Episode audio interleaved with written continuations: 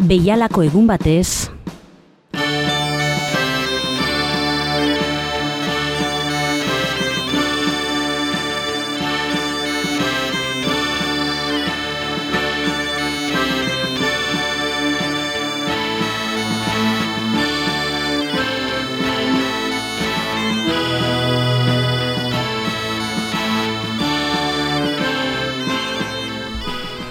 Agur eta ongi etorri eh, Bilbo hiri erratiko entzule zaren hori. Gure memoria eta oroitzapenak gordetzen duen kutsa irekiko dugu datozen minutuetan. Bertatik gure herrialdeetan gertatutako jasoera historiko nabarmenak, gertaera esanguratsuak, gure kultura, politika, zein bestelako jardueretan zerezana izan eta eman dutenek bilakatuko ditugu protagonista nagusi.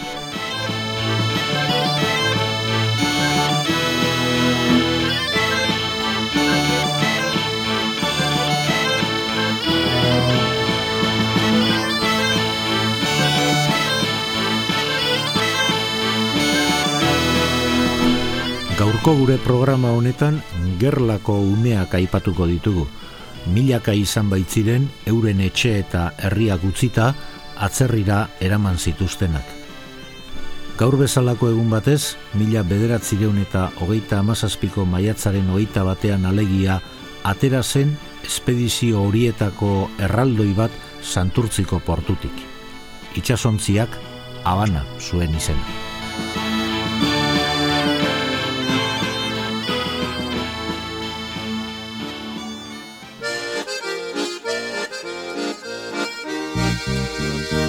Itxasontzi baten Euskal Herritik kanpora naramate eta ez dakit nora.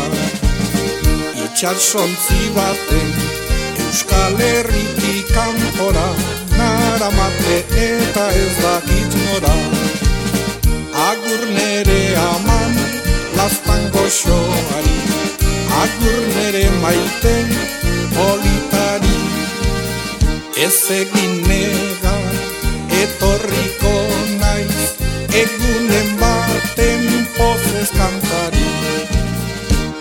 Mila bederatzireun eta hogeita amazazpiko maiatzaren hogeita batean atera zen eh, Habana eh, izeneko itxasontzia santurtziko portutik lau mila aurri inguru zeramatzan erresuma batura.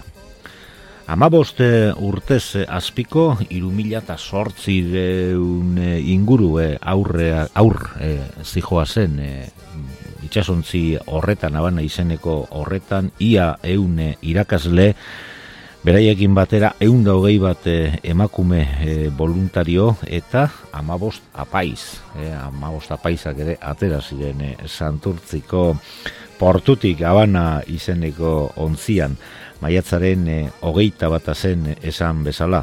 Alfonso Amairu garrenaren e, aginte garaian e, eraikitako edo egindako itxasontzia zen abana izenekoa, mila bederatzi deun eta hogeita maikan Euskal Herriko ontziolek e, bere ganatua. Aurrei esan zieten, e, iru hilabeterako oporraldia pasatzera zijoa zela, nora eta Inglaterrara.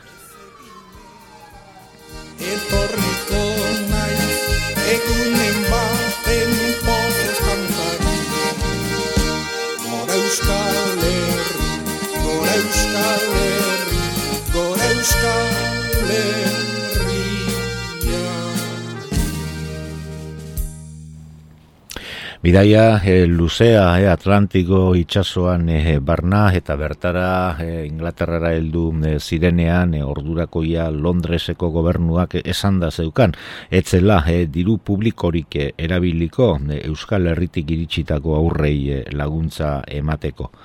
Atolleseko dukesak parlamentukide konservadoren gidaritzapean Basque Children izeneko batzordea sortu zuen laguntza koordinatzeko bi asteren eh, buruan kanpamentu handi bat antolatu zuten e, norte eston janen. Abana ontzia zutanfonera iritsi eta ondorengo asteetan ura izan zen aurren edo umeen bizilekua. Hiru aste kanpamentuan eman ondoren, Elizak eta voluntario taldeek herrialde osora banatu zituzten aurrak, Salvazion Armik Londresen prestatutako etxeak eta koloniak baliatuz. Frankok Bilbo hartu zuenean, ekainaren erdi parte horretan, etxera itzultzeko itxaropena gutxitzen hasi zitzaien aurrei, eta promestu zieten hiru hilabeteko egonaldia lusatuz zijoan.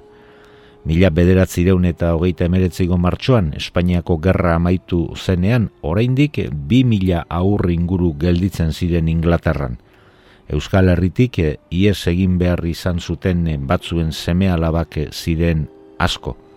Hala ere, Baske Children batzordeak behin baino gehiagotan nabarmendu zuen, aurrak ez zituztela bueltan bidaliko baldin eta gurasoek hala eskatzen espazieten. Nazioartean emandako irudia hobetze aldera Franco aurren aberriratzea eskatzen hasia zen. Bigarren mundu gerraren hasierarekin bere horretan gelditu ziren Inglaterran gelditzen ziren bosteun bate aurren itzulera asmoak. Berreun hau aur inguru itzuli ziren gerra amaitutakoan Euskal Herrira eta aberriratzeko prozesu ofiziala amaitu zenean, berreunda berroita mar gelditu ziren desarrian. Euskal Herrian, etzeukaten hartuko zituen inor, gurasoak eta familiartekoak gerran hil ziren edo kartzelan, kartzelatu egin zituzten. Sortzi urte igaroak ziren santurtzin abana itxasontzian sartu zituztenetik, eta horiek soilik Inglaterran zeudenak ziren.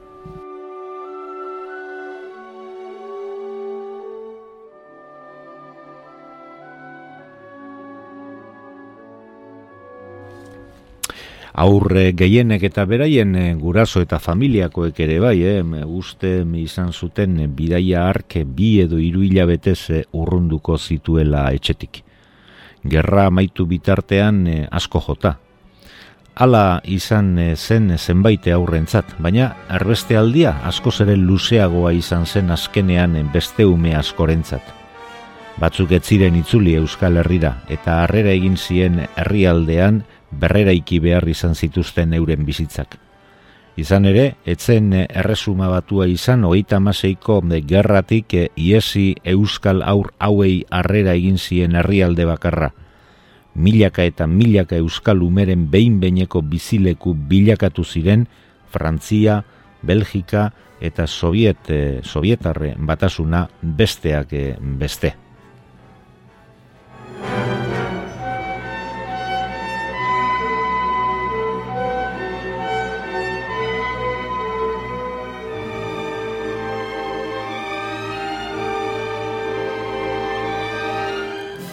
Olako kasuetan, e, kopuru zehatzak etopatzea e, zaila da. Eh? Orduko Eusko Jaurlaritzaren artxibategi ofizialeko datuen arabera, amabos mila umeke hartu zuten erbesterako bidea.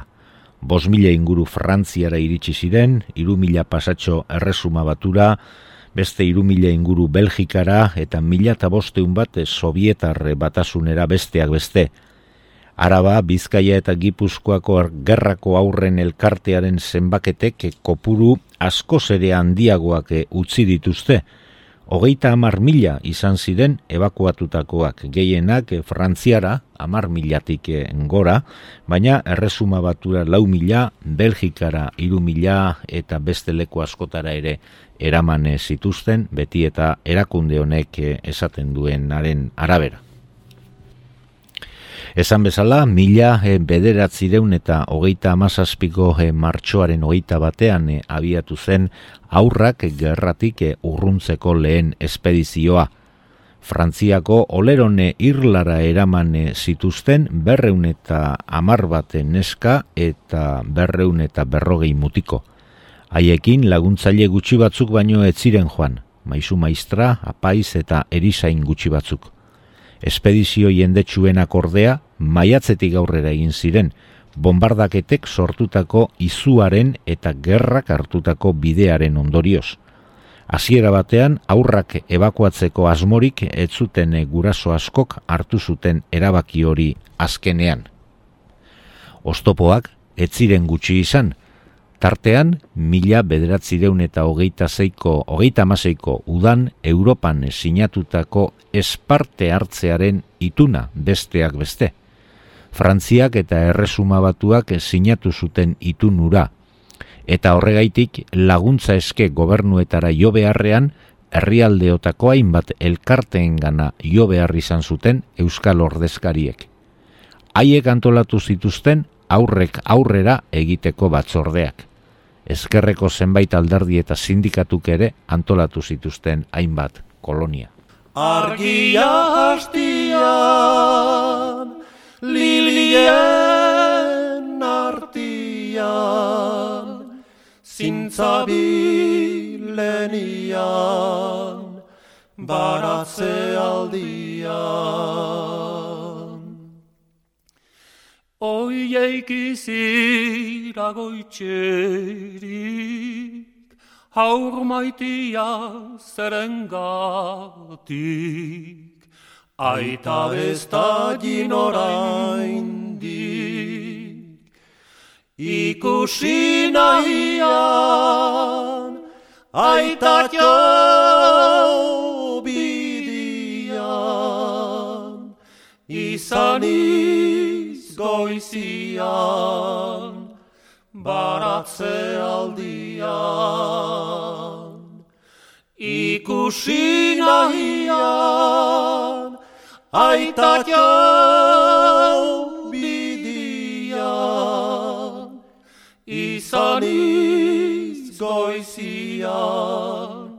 baratze aldian. Bidea da luze luze, han bakarrik da bilaize, amak bihotza du leize. Aita gau guzian, gudari mendian, amada gonian, baratze aldian. Aita gau guzian,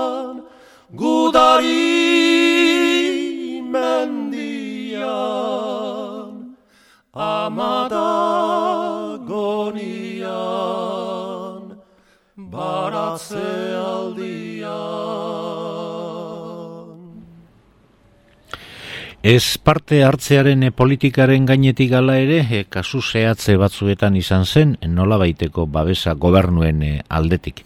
Erresuma batuak esaterako bi itsasontzi bidali zituen Euskal Espedizioak Frankoren e, ontzietatik babesteko. Kontzientzia txarra e, zutela uste du e, bateke baino gehiagok eta horren e, arira, e, gerra sasoian e, etzutelako e, inolako laguntzarik e, eman e, errepublikar e, bandokoei eta bereziki Euskal Herrian e, gerra galtzea e, gerra galtzen e, ibili zirenei eta kontzientzia txar hori estaltzeko ba, maila batean e, ba, baliteke laguntza hori e, eskaintzearena. Herri aldeotan e, jasotako e, harreraz, elkartasunaz hitz egitean nabardurak egin beharra dago zenbait historialarien ustez. Izan ere, elkartasun handia erakutsi zieten sektore askok, baina beste askok ez. Eta baita Euskal Herrian bertan ere hori gertatu zen. Iparraldean, hogeita amaseian, e, nahiko eskuindarra e, zen, eta e, donibane garazin ziren e, aurrek e, kontatzen dutenez, e, bertako jende askorentzat, Espainiatik iritsitako gorri separatistak e, ziren. Dena dela, e, guztiak ere, gerra egoera batetik e, iesi joan zirela kontuan hartuta, bizi baldintzei dagokienez guztieke hobetu zuten euren e, egoera. Iparraldeari dagokionez eh, esan, eh, sasoi eh, hartan, bazegoela Frantziako eh, parlamentuan eh, diputatu eh, izandako eh, Jean eh, Ibarne garai.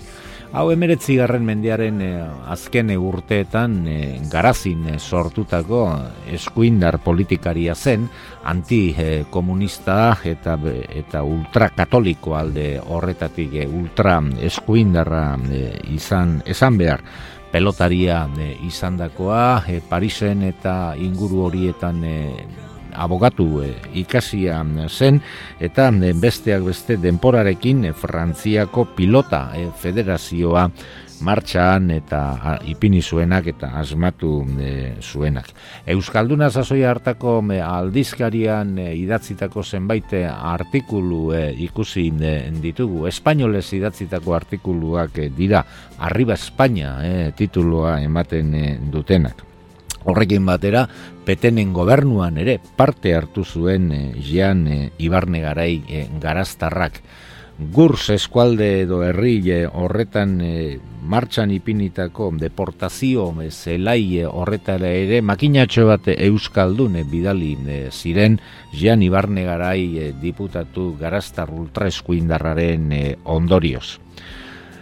Hau, egoera hau ere, bizi behar izan e, zuten iparraldean e, beste leku batzuen artean garazin e, errefusiatu gisa eraman zituzten e, aurrak.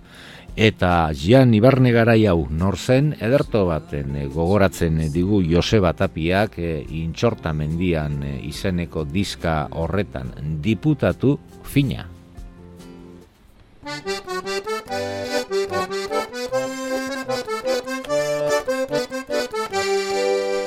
Ibarne, Ibarne, Republiken etxai, eskualerrian ernezan Ibarne garai. Ibarne, Ibarne, Republiken etxai, eskualerrian ernezan Ibarne garai. Diputado fina izan behar omentzun zimaurrez egina, asko zobe gendun, erbetarren alde joka behar zuala, esan da bertzalde joan da zerrazala.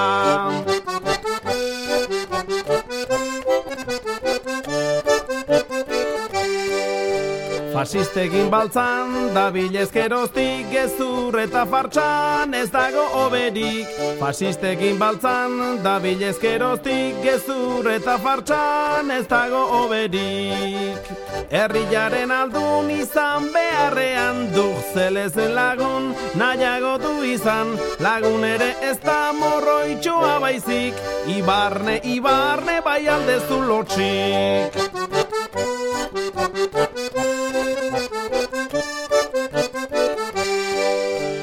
Edo zentzu zantzu, gelditu baltzara, nola zoaz faltsu, horien aldera. Edo zentzu zantzu, gelditu baltzara, nola zoaz faltsu, horien aldera. Euskaldun semea libertade aurka, arba solegea, dara biladarka, zoaz bai ibarne, doizlande aldera, zulakoak erne, oi diren lurrera, Hitlerri gibelak ustera.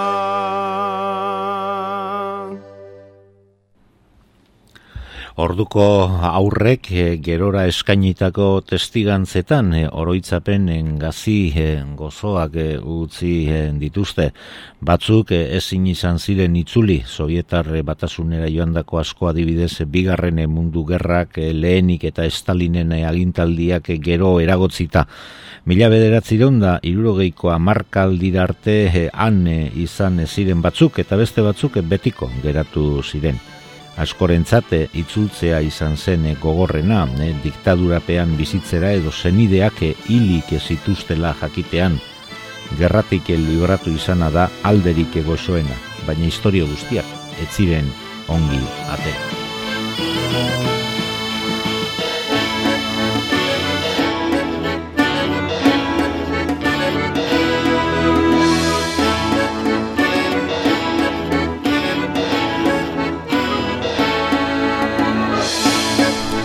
Eta onaino lagunok eh, gaur bezalako egun batez, eh, mila bederatzireun eta hogeita amazazpiko maiatzaren hogeita batean, Habana itxasontzian Britania handirako bidea hartu zuten umeen kontakizuna.